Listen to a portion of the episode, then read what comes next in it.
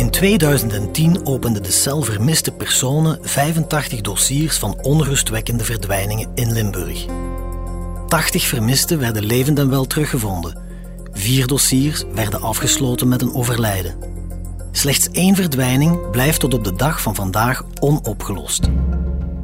Die van Elke Wevers. De 32-jarige vrouw uit Neeroeteren verdween op 9 december 2010 zonder ook maar één spoor achter te laten. Tien jaar later tasten de speurders volledig in het duister over wat er precies met Elke is gebeurd.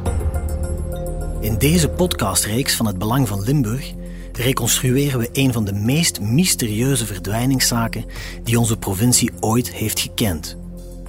We ontrafelen het hele dossier vanaf het moment van Elkes verdwijning en belichten verschillende pistes die het afgelopen decennium de media haalden. Dat doen we aan de hand van onthullende getuigenissen van familie, collega's, speurders en advocaten. Mijn naam is Geert op het en u luistert naar Waar is Elke Wevers? Het mysterie uitgespit.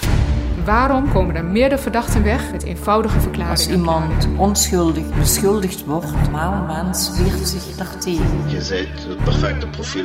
Ineens staan ze voor je deur met vier man. Wie zou nu echte verdachte kunnen zijn? Het is bijna een thriller. Hè?